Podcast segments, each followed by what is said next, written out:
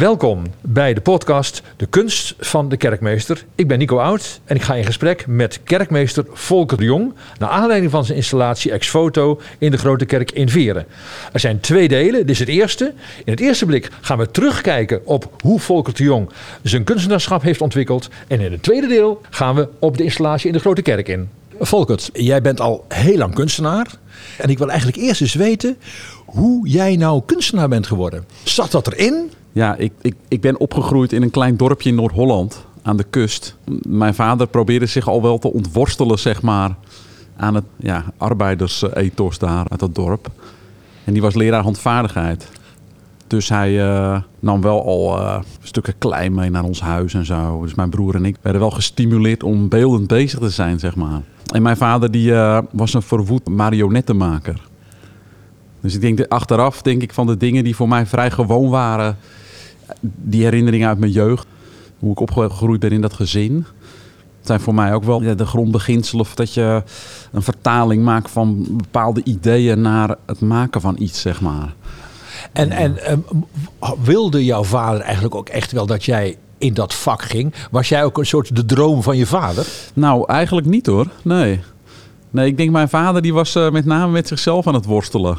Hij uh, uh, was opgegroeid ook in hetzelfde dorp. Mijn opa die zei altijd tegen hem van... jij moet gewoon lekker naar de fabriek gaan. Want dan ben je gewoon, dan heb je gewoon een goede, goede baan en zo. Dus mijn vader moest verplicht in een of andere fabriek werken. Maar ik denk dat hij net als ik eigenlijk best wel uh, een gevoelig mens is. En dat hij merkte dat dat toch niet echt zijn ding was. Toen is hij daarbij zeg maar, gaan studeren om, om zich een beetje los te worstelen van, dat, van die lotsbestemming die mijn opa dan voor hem bepaald had. Maar ik zie het eigenlijk zo dat ik voortzet waar mijn vader een beetje geëindigd is, denk ik. Mijn broer is nu architect. Het werd wel aangedragen, zeg maar, maar niet gestimuleerd of zo. Werden jullie in het dorp volk het vreemd aangekeken? Want jullie waren wel afwijkend in dat opzicht. Iedereen ging, ja. ging eigenlijk in de fabriek werken, bij IJmuiden misschien. Mijn beide grootvaders waren allebei vissers. Ja, het was een kleine, hele kleine gemeenschap eigenlijk hè, daar in Egmond. Ik het over mijn opa's. Die moesten met 14 jaar werden ze van de, middel, of van de lagere school uh, meteen, hup, moesten ze mee naar zee. En mijn opa, die... Uh, vond dat best wel heftig. Dan zat ik bij hem in dat bejaardentehuis en dan vertelde hij al die verhalen over dat, dat hij als kind dus mee moest met zo'n zeilboot. Dan hadden geen motoren. En ook in de Eerste Wereldoorlog dat daar dus veel mijnen en zo uh, in zee lagen. Dat daar dus veel mensen opgeblazen werden. Ik merk eigenlijk pas veel later, dacht ik terug aan mijn jeugd en denk ik van het is eigenlijk toch doortrokken met veel verhalen over angst en zo. En ook over uh, afzien en armoede. En ik dacht, ja, ik ben best in een goed, uh, goede omstandigheden opgegroeid. Maar ik ben me ook wel af gaan vragen van in hoeverre werkt dat dan nog door in de nieuwere generaties? Van de dingen die in het verleden gebeurd zijn bij voorouders. Wat blijft daar dan van over? En hoe kan je eigenlijk uh, jezelf worden?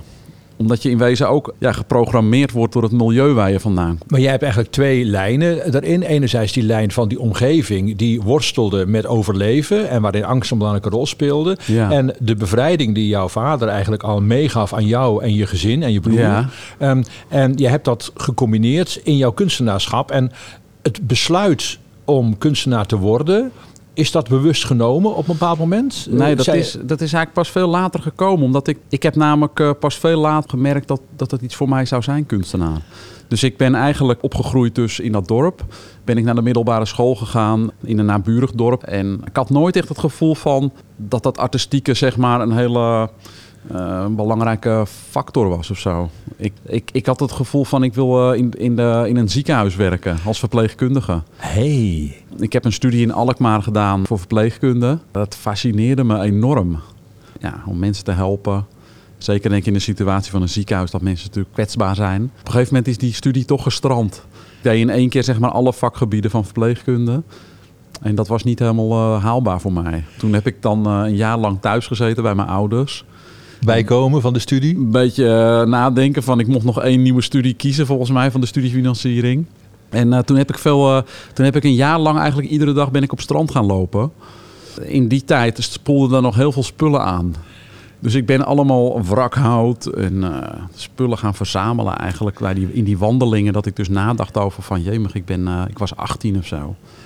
Ik dacht van wat moet ik nou verder? aan, aan de- ja, eigenlijk die, die frustratie en ook dat gevoel dat je dus stopt met een studie, terwijl iedereen gewoon verder doorgaat, is een soort van vacuüm waar je in terechtkomt. Dat je denkt van wat is mijn lot? Dat ligt als een soort mistig gebied voor je. In een soort wanhoopsdaad ben ik dus die objecten eigenlijk in de tuin van mijn ouders gaan maken toen. En toen dacht ik wel van wauw, dat, dat, dat hield me bezig zeg maar. Dus dat wandelen in die natuur, het verzamelen van, eh, van voorwerpen van het strand. Daar spoelden natuurlijk allerlei dingen aan van schepen ook uit andere landen. Met teksten in het Russisch. En, eh, dus ik had wel het gevoel van, hé, hey, dit is interessant. Wat maakt je daarvan? Een soort van abstracte objecten en zo. Ik bond het samen met, en ik zette daar teksten op. Dat hangt allemaal nog bij mijn ouders in dat huis. En na een jaar, eh, kijk, mijn vader die is op een gegeven moment leraar handvaardigheid geworden. Ik dacht wel, wel van, nou, dat is eh, volgens mij een goede keuze ook voor mij. Ja. Omdat ik dacht van, kijk, met kinderen werken, dat lag me wel in de zin van dat je dus denkt van, ik heb daar een soort opvoedende rol. En ook mijn enthousiasme voor het maken van objecten was groot. En ik dacht van, en dan weet je in ieder geval ook dat je een baan kan vinden. Ja, maar jij hebt geen MO tekenen of MO handvaardigheid gedaan. Je bent naar de Rietveld gegaan, toch? Nee, nee, Nee? ik heb geen Rietveld gedaan. Nee? Nee. Oh, Nee, dus ik heb een ik. leraaropleiding gedaan, eh, oh. HBO-opleiding, eh handvaardigheid kunstgeschiedenis. Ja. Het wordt wel vaker gezegd hoor, dat ik, dat ik op de Rietveld heb Ja, gezeten. maar ze heb ik nooit hebben gedaan. dat verkeerd op internet ja, dat gezet, klopt volgens niet. mij. Nee, dat komt Zo. vaker voor. Dat, Fake eh, news, toen al. Dat is toen al eh, fout gegaan. maar eh, tijdens de opleiding heb, merkte ik wel dat die leraren soms zeiden tegen mij van... hé, hey, misschien moet je eens bij een open dag bij de Rietveld gaan kijken. Omdat ik was enthousiaster, zeg maar, dan mede collega-leerlingen in het... ja, gewoon, ik was gewoon fanatieker en zo. En eh, ik ging wel eens naar die open dagen op de Rietveld... en dan zag ik daar allemaal mensen met artistieke eh, kleding en zo. En toen dacht ik van, dit is helemaal niks voor mij. Dus ik had toen ook nog niet het gevoel dat ik dat eh, kunstenaarschap of zo, dat me dat aantrok. Ik En dacht toch is het een keer die kant op gegaan. Ik word steeds Nou ja. benieuwder naar Ja. al die, de, die uitgestelde beslissingen. Wat er dan toch geweest is. Ja. Dat jij niet voor de klas bent gestaan. Of ben je toch voor de klas geweest? Nou, nee, kijk, na die opleiding dacht ik van dat eh, lesgeven, dat kan ik altijd nog doen. Want ik had zoveel enthousiasme voor het maken van eh, tekeningen, schilderijen, objecten. Dat ik dacht, misschien moet ik eerst eens een jaartje mezelf de kans geven om dat uit te zoeken. Maar ik raakte toen wel in een soort van impasse ook. Omdat ik keuze had gemaakt om ergens een ateliertje te huren in een havengebied buiten Amsterdam. Weet je, gewoon een uur fietsen door zo'n havengebied. Ik dacht van, wat, wat, wat doe ik hier? Naarmate de tijd vorderde en ik dus in dat atelier daar zat om te denken van... ik moet, ik moet nu iets creatiefs gaan doen hier. gebeurden er om dat atelier hele fascinerende dingen. Dat was ook in dat gebied waar toen destijds Alfred Heineken gekidnapt was. Weet je wel, in zo'n soort Romney-loods. dat was een hele onprettige sfeer. Ik dacht ook van, oh jezus, dit is zo oninspirerend. Maar wat me choqueerde als ik dan 's ochtends daar bij dat atelier aankwam... dat ik zag dat er s'nachts allerlei gekke dingen gebeurden daar. Er werden veel drug, drugs gedeeld en eh, prostituees en zo. En ik, ik begon me daarvoor te fascineren. Net als toen, die, toen ik van de middelbare school, of, of nee, sorry, van die verpleegkundige opleiding thuis zat. Begon ik eigenlijk ook spullen te verzamelen uit dat havengebied, zeg. Die daar s'nachts waren achtergelaten. Prostituees en drugs. Ja, nou ja, verpakkingen en zo. Kleding van een prostituee. En ik dacht van, dit is interessant zeg. Dit is veel spannender dan wat ik eigenlijk probeer in scène te zetten in dat atelier. En ik, er stond op een gegeven moment ook een uitgebrande auto daar voor die studio. Ik dacht echt van, wat gebeurt hier allemaal joh? Eigenlijk heb ik besloten om, om dingen in scène te gaan zetten.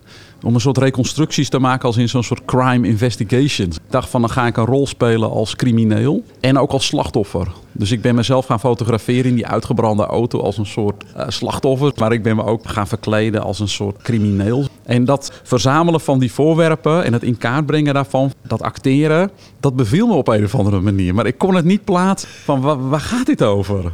Dus ik heb een jaar lang heb ik dat voortgezet. Ik ben op een gegeven moment die kleding die ik vond op gaan vullen met oude matrassen en zo. En daar, daar ontdekte ik eigenlijk ook dat, dat, dat een, bijvoorbeeld een oud matras, weet je wel, dat is toch een beetje ja, onprettig. Omdat je denkt, daar heeft iemand op gelegen. Er zit een soort verhaal zit erin. Gorig ook. Ja, ik, ik bond dat eh, samen met tape en zo. Toen begon ik als een soort Dr. Frankenstein daar een soort lichamen van te maken. Dat heb ik allemaal gefilmd. Ik heb heel veel vi- videomateriaal. En op een gegeven moment dacht ik van, of ik moet me laten opnemen in een psychiatrische kliniek.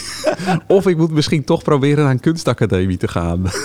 Ja. En eh, dus ik heb eh, al dat materiaal eh, geselecteerd, documentatie daarvan gemaakt. Jij hebt meteen aangenomen.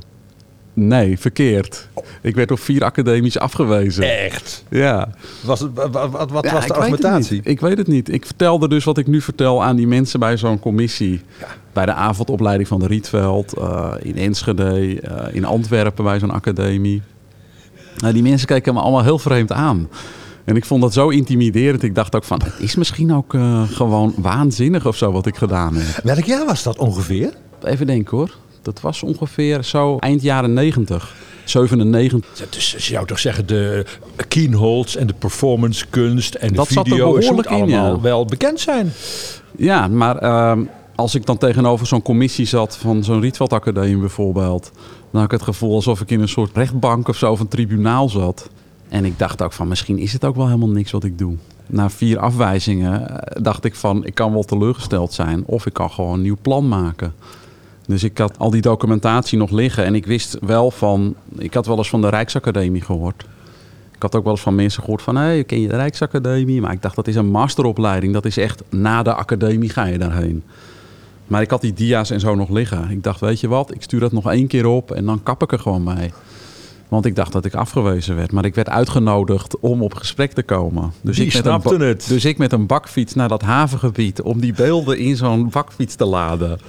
Naar die Rijksacademie toe. Met die, want ze wilden dat je dan echt werk liet zien. Dus ik die beelden daar uitladen met een vriend van mij. En ik, ja, dat voelde heel ongemakkelijk. Dat gebouw, dat is fantastisch, weet je wel. Grote ateliers en eh, belangrijke adviseurs en zo. Wereldnamen. Dat, dat gesprek, dat was echt eh, fantastisch met die mensen.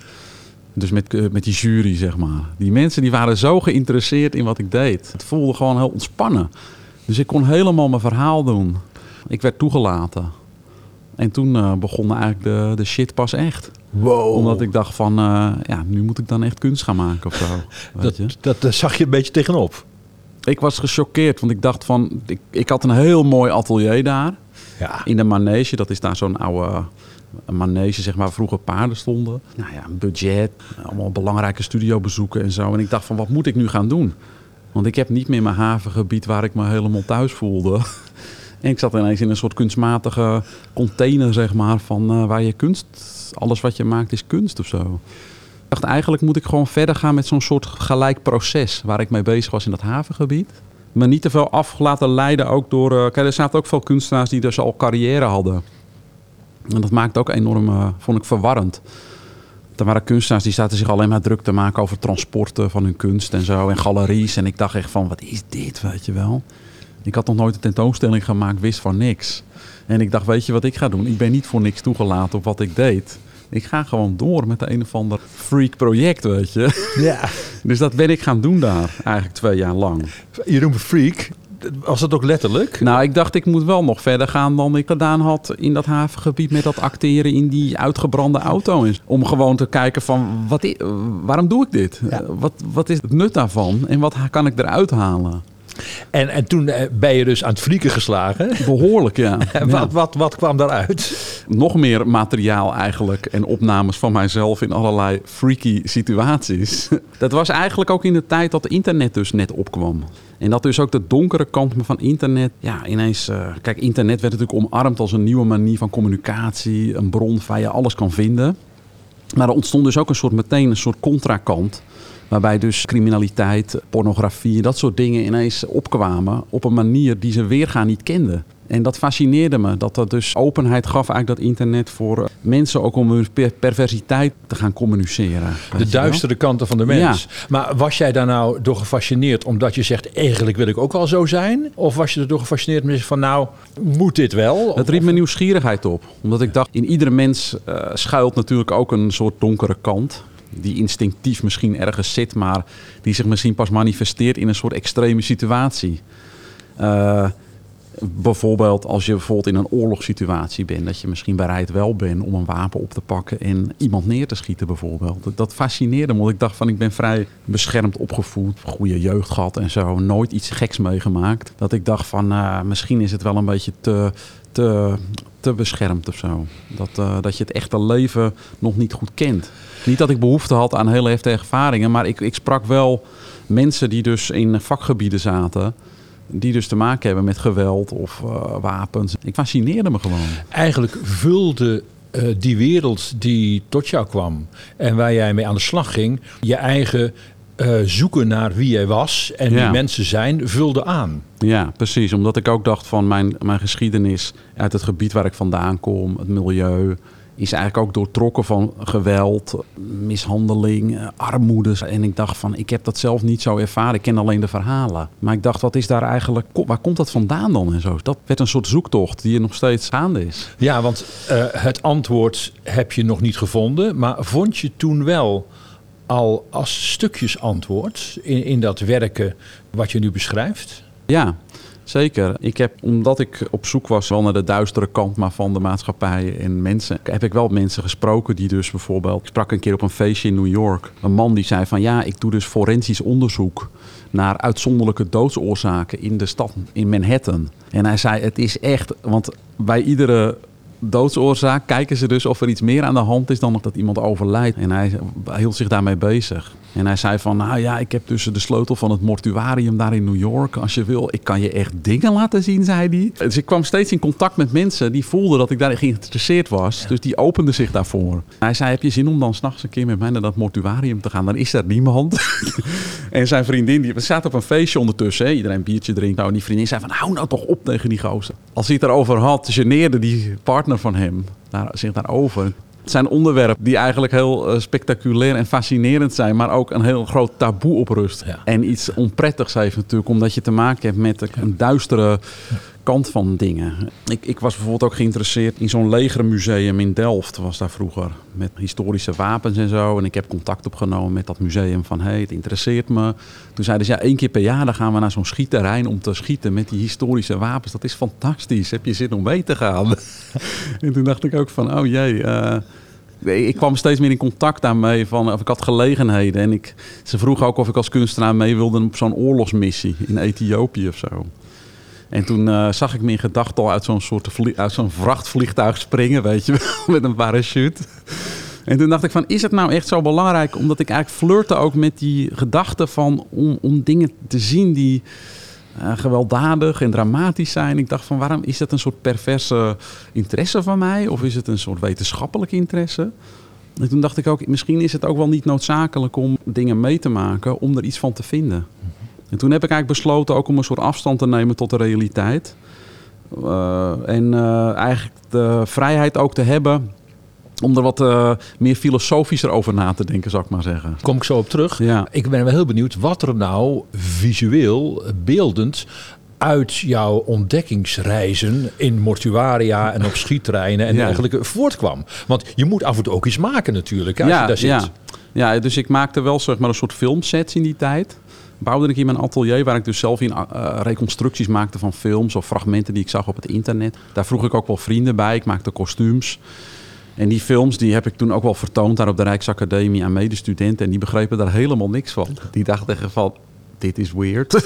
is het kunst? Of, is het, eh, of mag het weg? En ik vroeg het mezelf ook af, want ik dacht van... voor mij is het eh, allemaal heel fascinerend, maar als andere mensen dat niet zien... als je dat dan kunst noemt, wat wil je daar dan mee?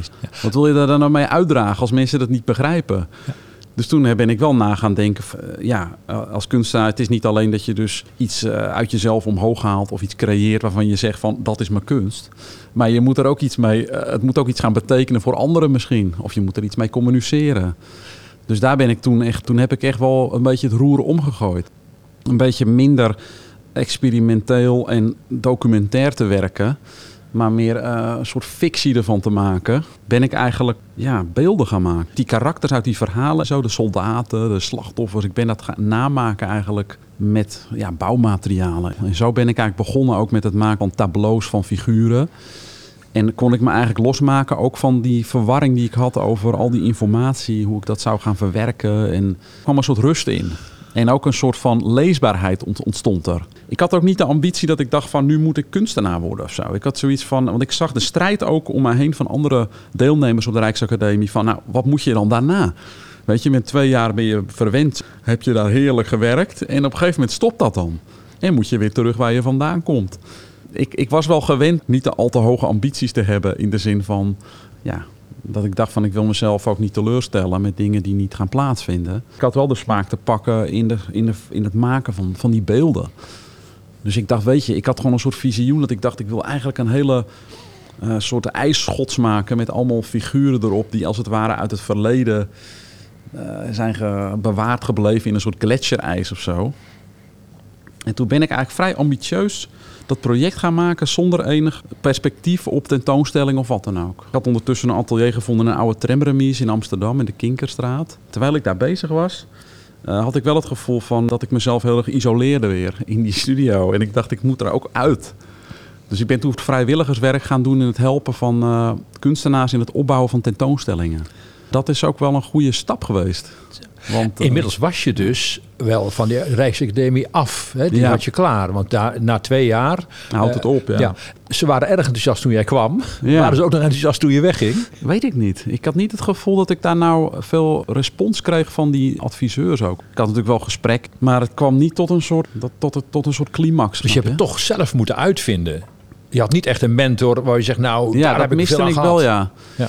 Ik had wel een paar docenten, zeg maar, waar ik wel het gevoel had dat die, dat die mijn werkproces volgden. Maar ja, misschien in de hectiek van zo'n academie was het ook niet zo. In, die mensen komen ook maar één keer in de maand of twee maanden. Ik, ik denk dat het voor mij voor, met name zeg maar, een soort proces was van nog dieper gaan. Ja, eigenlijk je locatie vinden in ook wat is de urgentie eigenlijk ook van het willen creëren. Dat is de, want ik dacht van ja, kijk, er waren heel veel studenten van academies die direct bijvoorbeeld van de Rietveld naar de Rijks gingen. Ik dacht al van nou ja, dan heb je dus altijd op academies gezeten. Altijd respons gehad van docenten en een dialoog. En ik denk van als dat eindigt, dan heb je die context niet meer. Maar ik was natuurlijk gewend eigenlijk van voor die Rijksacademie al om in mijn eentje in the middle of nowhere te existeren. Dus ik, ik zag ook die angst van die mensen die dus altijd vanaf de lagere school tot eind Rijksacademie in het institutionele hadden gezeten. Dat ik dacht van ja, ik weet gewoon dat de realiteit minder uh, glamorous is dan, uh, dan wij op de Rijksacademie meegemaakt hebben. Dus daarmee heb jij wel een bepaald moment de kracht om een beeld te maken wat voortkomt uit alles wat je hebt onderzocht. Ja. Hè? En ook een, een aantal gedachten daarin te stoppen, die ook de opbrengst zijn van jouw Mhm. denken en ervaren. Maar wist je toen ook al wat je dan met zo'n beeld van die figuren die je uit het verleden plukte op die ijsschots teweeg wilde brengen bij mij en andere toeschouwers? Nou, eerlijk gezegd niet, nee. nee. Ik had wel het gevoel na de Rijksacademie van... hé, hey, de Rijksacademie is wel een vooraanstaand instituut in Nederland... wat uh, ja, die toch een bepaalde status geeft, zeg maar, of een erkenning. Daarmee wel kijken ook of ik subsidie aan kan vragen. Of, of hoe, ik, ik had wel voor mezelf het gevoel... ik moet zorgen dat ik mijn pad zelf kan uitzetten naar de toekomst toe. En dit soort dingen kan blijven doen. Want het fascineerde mij wel heel erg wat ik deed in dat atelier. Het leidde niet echt tot resultaat. In de zin van dat je zegt, dit is dan een kunstwerk. Maar ik merkte wel van, ik was iets begonnen wat, waar ik nog niet genoeg van had. Ja, ik heb ook baantjes gehad dat ik dacht van, ik moet zorgen dat ik vrij blijf om dat proces door te zetten. Man.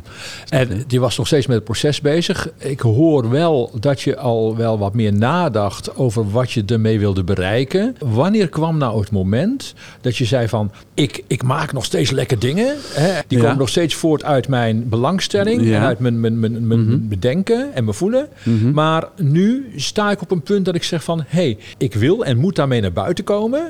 om andere deelgenoten te maken van datgene wat ik belangrijk vind. Ja. Ja, ik had wel het gevoel dat hetgene wat ik deed, dat dat belangrijk was. Ik, ik, kon, ik kan, kon het niet helemaal plaatsen, maar ik had het gevoel van...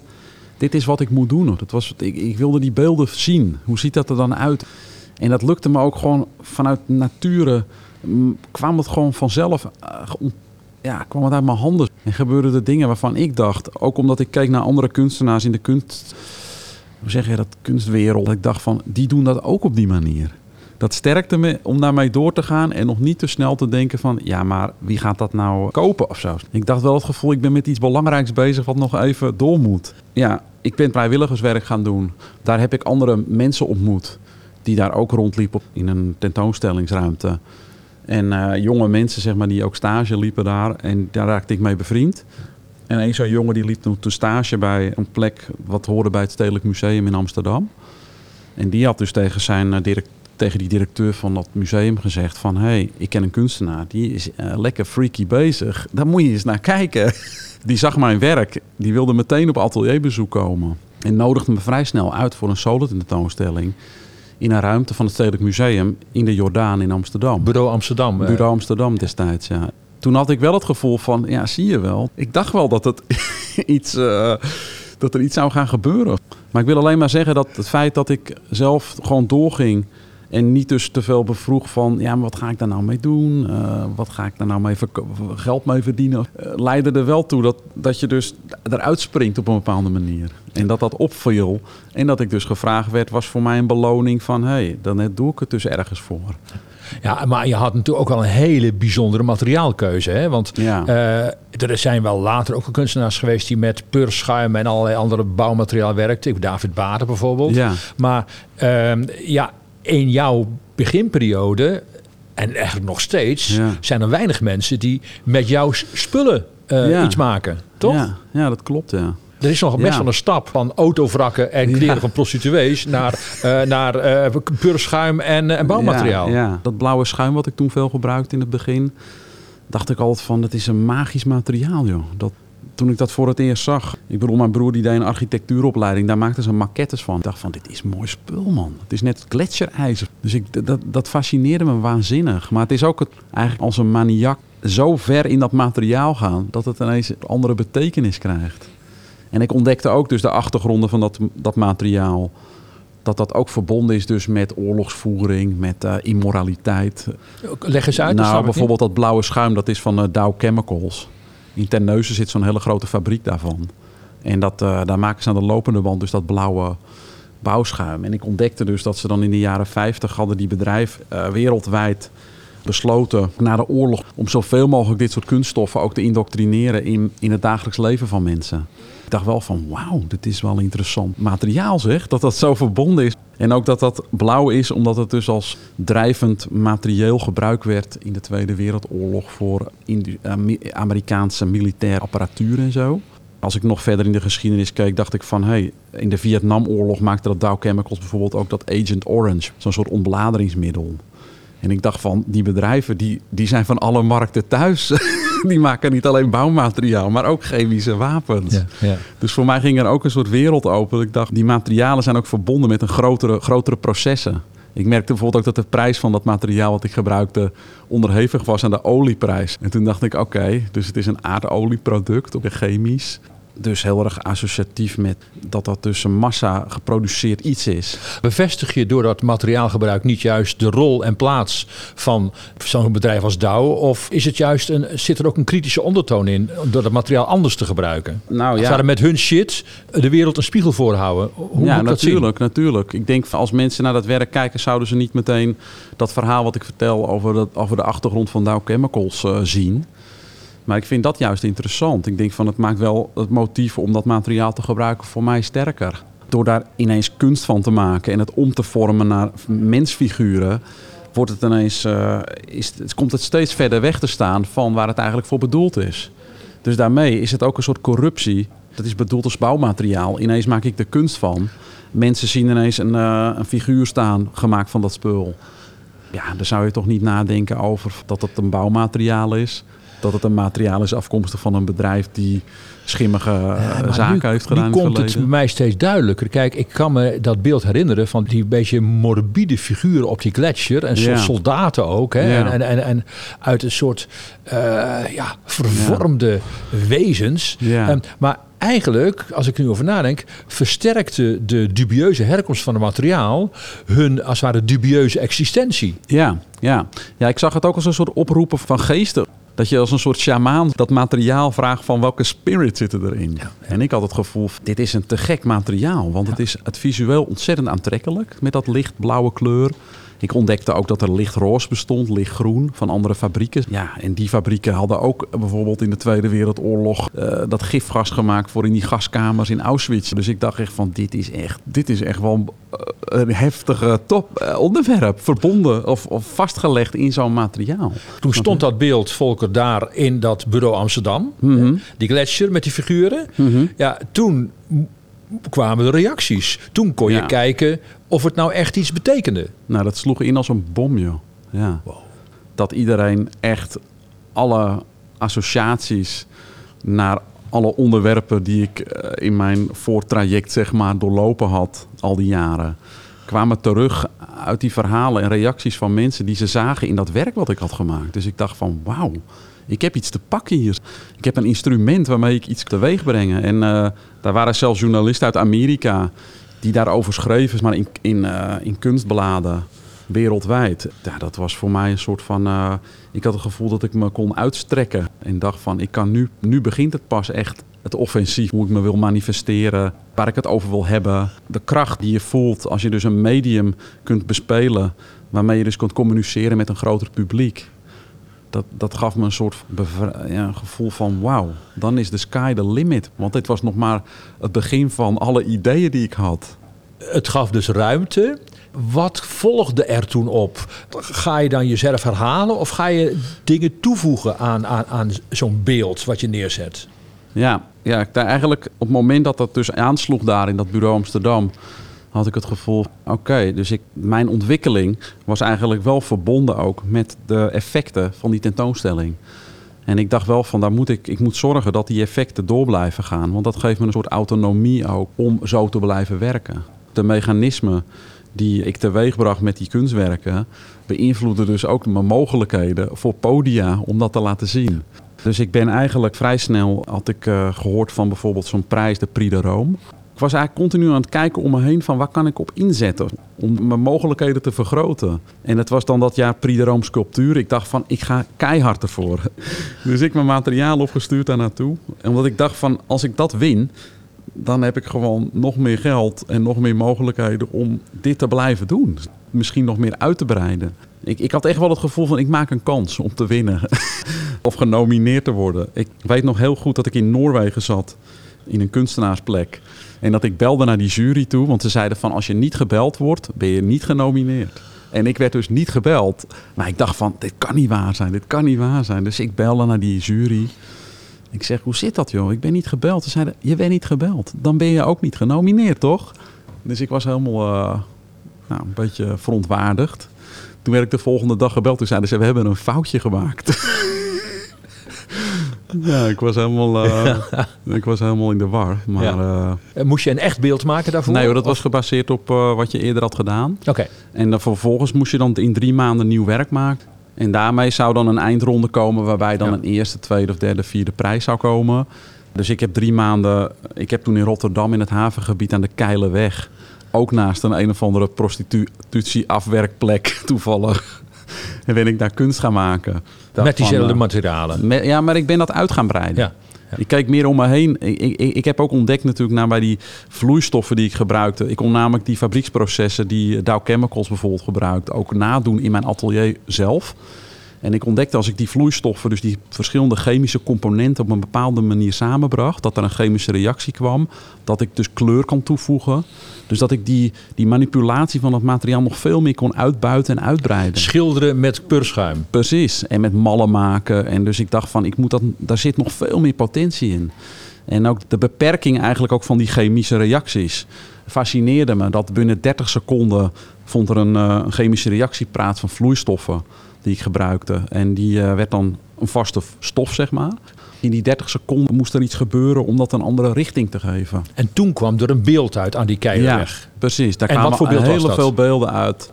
Ik dacht ook aan de geschiedenis van de beeldhouwkunst. Ik heb een ruiterstandbeeld gemaakt. Ik ging helemaal. Mario Marini heb je gedaan en Donatello. De hele en... kunstgeschiedenis heb ik daar uh, neergezet. Ik werd toen echt zwaar neergesabeld door die jury op de eindpresentatie. Van, ze zeiden van dat ja, Kienholz heeft dat al gedaan. En uh, dit hebben we toch al eerder gezien in oh. de geschiedenis. En ik dacht echt van, oh, wat is dit nou weer?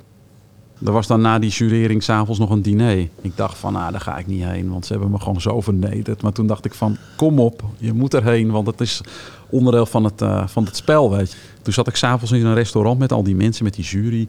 En die dames die begonnen allemaal over dieet te praten. En ik dacht wat is dit man? Ik heb drie maanden echt me uitgesloofd. En die jury, voor hun is het gewoon een, een, bijkomstigheid. Dus ik werd vreselijk dronken daar. En ik liep dat restaurant uit, de tafels vielen om. En toen dacht ik eigenlijk de volgende dag van... Ik, ik schaamde me natuurlijk een beetje voordat ik me een beetje misdragen had daar. Ik was zo geraakt ook in mijn ego... Want ik dacht dat ik zo fantastisch bezig was natuurlijk. dat ik dacht van, hé, hey, misschien is het ook wel niet verkeerd om kritiek te kunnen krijgen, maar het ook te kunnen verdragen en positief te kunnen gebruiken. En dat was natuurlijk een enorme uitdaging, want ik werd door grote namen zoals Mona Hatoum, uh, Stefan Balkenhol, niet de minste zeg maar, helemaal afgebrand. Om dan weer omhoog te kruipen. Toen dacht ik van, Volkert, je kan het. Ja, ja, ja. dus ik dacht, ik moet gewoon nog meer gas geven en gewoon laten zien aan mezelf dat het wel bestaansrecht heeft.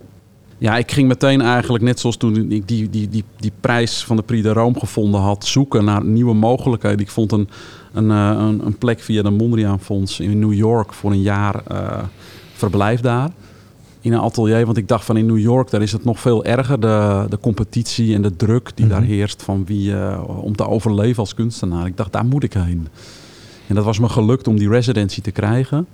Dus toen ben ik een jaar naar New York gegaan. Ook om mezelf bloot te stellen eigenlijk aan die... Uh, gewoon aan, aan, aan de critici. En ook aan de, aan, de, aan de competitie of zo. Ook die er heerst in die kunstwereld, weet je wel. Van, uh, ik ben benieuwd wat je met die beelden gedaan hebt. Die door die jury werden neergesabeld. Ja, die heb ik nog. Die heb je nog? Ja. Oké. Ja. Denk je dat ze er nu anders naar zouden kijken? Ik weet het niet. Ik denk het niet. Nee? Nee. Ik ben wel super benieuwd. Soms hoor je dat wel eens toch? Dat mensen dan later zeggen van ja. ik, ja. ja, soms gebeurt het wel eens dat mensen zeggen ik wist wel dat het fantastisch was. Ik heb wel geleerd eigenlijk om om te gaan ook met uh, kritiek en ook uh, bescheiden te zijn in je in je ego. Wat ik, gebeurde er nu, Volkert, toen jij in New York aan de gang ging, in het atelier? Ja, uh, je, bleef met het materiaal werken? Ja, want dat komt daar vandaan ook. Dus ik dacht van, ja. uh, dat, dat is hem. En heb je toen, uh, wat, de beelden die je toen maakte, mm -hmm. hè, je had die kritiek gehad, hè, dus de hele geschiedenis overhoop gehaald, dat was toch niet het ding? Precies. je had die ijsschotsen met die rare figuren die, soldaten, die uit het kwamen. Um, wat kwam er toen in New York uit jouw handen? En uit het materiaal? Nou, wat, wat ik te gek vond aan New York bijvoorbeeld, is dat die stad zo ja, extreem is, zeg maar. Hè? Met daklozen, dat die, de beelden die je daar ziet, is gewoon alsof je in een film zit. Van die dakloze vrouwen met zo'n met zo'n supermarktwagentje met spullen erop. Dat zie je daar natuurlijk veel meer dan hier. En dat fascineerde me, zeg maar, die rafelranden of onder, uh, onder die snelwegen, dat mensen daar aan het kamperen, het nachtleven daar. Dat zijn een soort spoken of monsters en zombies die daar uit de metro's komen. En dat was wel de, weet je, de wereld dat ik dacht van... ik kan me voorstellen dat films daar ook ontstaan. Ja, het raakt ook meteen aan de beelden van je eerste atelier... toen je zat te wachten op wat je moest gaan doen. Precies, die, precies. Die, die, die, zelfkant eigenlijk. Ja, in New York is dat natuurlijk nog veel groter. Ja. En, en daar ben je beelden over gaan maken. Of ja, die, precies, die figuren heb je gewoon ja. opgeroepen. Ja, precies. Dus ik ben met diezelfde materialen meteen doorgestoot. Omdat ik wist dat het gewoon... als ik het zichtbaar maak in mijn ateliers met die beelden, dat, dat, dat is waar ik het dan ook over heb als er iemand daar zo'n atelier binnenkomt.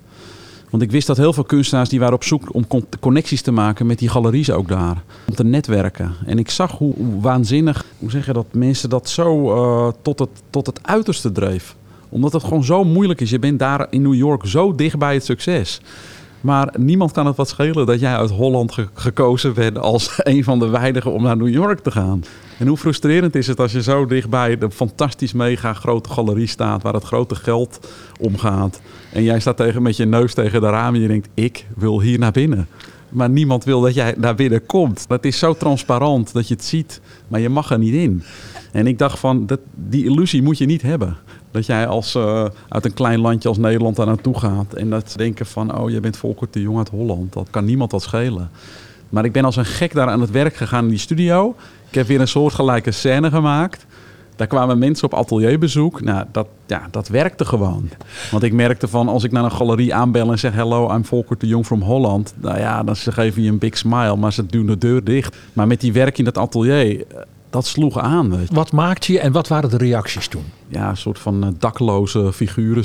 een soort freaks ook. En, uh, die je daar ook gewoon op straat ziet. Je haalde de realiteit in de kunst. Ja. En je intensiveerde dat. Ja. Waardoor mensen zich ertoe moesten verhouden. Precies. En ik denk dat dat heel goed werkt ook. Omdat je daar in die context zit van New York als je die wereld als het ware vertaalt. Een beetje net zoals een beetje een soort pop-art beweging. Dat is een soort spiegel voorhouden. Ja. En dat, uh, als je dat. Ik, ik gebruik eigenlijk die materialen in de taal die ook veel gebruikt daar wordt in commercials, in de commerciële reclames. Dat sloeg gewoon aan daar. Mensen begrepen gewoon dat materiaal styrofoam. Iedereen kent dat. De beker, al, bekertjes, alles is gemaakt van dat spul. Dus die massaconsumptiemaatschappij is daar nog veel sterker dan hier. Ja. Dus ik dacht van, ik ga dat reflect, daarover reflecteren. En dat, dat werd gewoon goed opgepikt. Oké, dus ze kwamen op bezoek. er werd over gesproken. Ging er toen ergens een deur open van een galerie waar je eerst met je neus tegen de etalage had, had lopen drukken? Ik was wel gevraagd bijvoorbeeld aan tentoonstellingen mee te doen in Los Angeles. Dat was georganiseerd vanuit Nederland door, door een directeur van een museum. En of ik mee wilde doen daaraan. Ik heb werk toen uit New York daar naartoe gestuurd.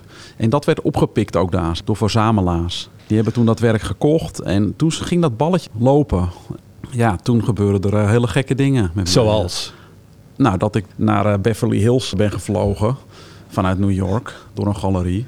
En ik daar uh, ja, uh, zeg maar een auto moest sturen op dat vliegveld. Ik dacht van, mijn god, uh, nu gaat het beginnen. Weet je. Het is natuurlijk allemaal zo cinematisch daar. Hè? Als je in Cali ik weet niet of je een keer in Californië ja, ja, ik ben er geweest. En dan zeker. kom je daar aan en denk je van, dit ja. is gewoon een film. Ja, ja, jij rijdt in het filmdecor. En het is te gek, maar ook gewoon onwerkelijk. Ja omdat ik in, in die auto, zo'n grote Amerikaanse auto reed, richting die galerie. Ik, ik had een afspraak in een hotel in Beverly Hills. Daar, daar stonden allemaal fotomodellen met camera's. En zo ik dacht echt van, oh jezus, wat gaat er gebeuren nu? en toen kwam ik in een soort van uh, seks, drugs en rock'n'roll wereld terecht. Waarbij gewoon dat als een tierenlier zeg maar ging uh, met mijn werk. Betekent dat jij daar een opdracht kreeg of dat mensen werk... Nee, dat ik tentoonstellingen ging maken. Oké, okay, ja. Maar ook dat die galerie, als ik dan weer in New York was, die galeriehouder zei van uh, stuur, stuur met JPEG, stuur met JPEGs, want ik kan alles verkopen. Hij kon gewoon dingen verkopen die onaf waren of... Uh... Werd, werd, werd je daardoor niet gecompromitteerd? Dat je makkelijker werd? En dat het zegt van nou, het loopt toch wel, ik hoef mijn normen niet zo hoog te houden? Nou, ik, ik, had wel het gevoel, de beelden gaan pas het atelier uit als ze klaar zijn. Dus je bent wel Calvinistisch streng gebleven? Ja, omdat ik wist van... Of oud-katholiek streng, want je eigenlijk komt een oud-katholiek. ja. Ja, ja. oké. Okay. Nou, ik, ik, wist wat ik kon, maar ook wat, wat ik nog zou gaan kunnen doen. Ja. En ik dacht van, dit is mijn moment, die moet ik pakken. Ik dacht wel van, ik kom uit een klein dorpje ergens uit Noord-Holland. Dit is mijn kans, die moet ik pakken. Dus ik werken, werken, werken, weet je wel. Want ik, die vraag werd steeds groter.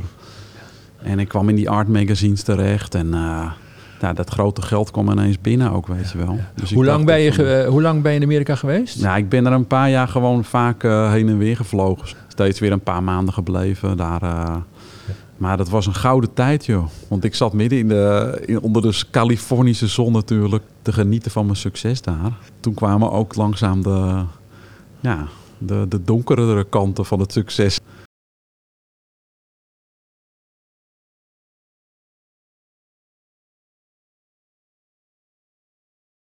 Dit was deel 1 van de podcast De Kunst van de Kerkmeester met Volker de Jong. Deel 2 vindt u op de website van de Grote Kerk. Beide delen werden mogelijk gemaakt door bijdragen van het Mondriaan Fonds, het BPD Cultuurfonds, de provincie Zeeland en de gemeente Veren. De muziek die u hoorde, die is van Upfront Soundlab Amsterdam, de band waarin Volker de Jong sinds jaar en dag een belangrijke rol speelt.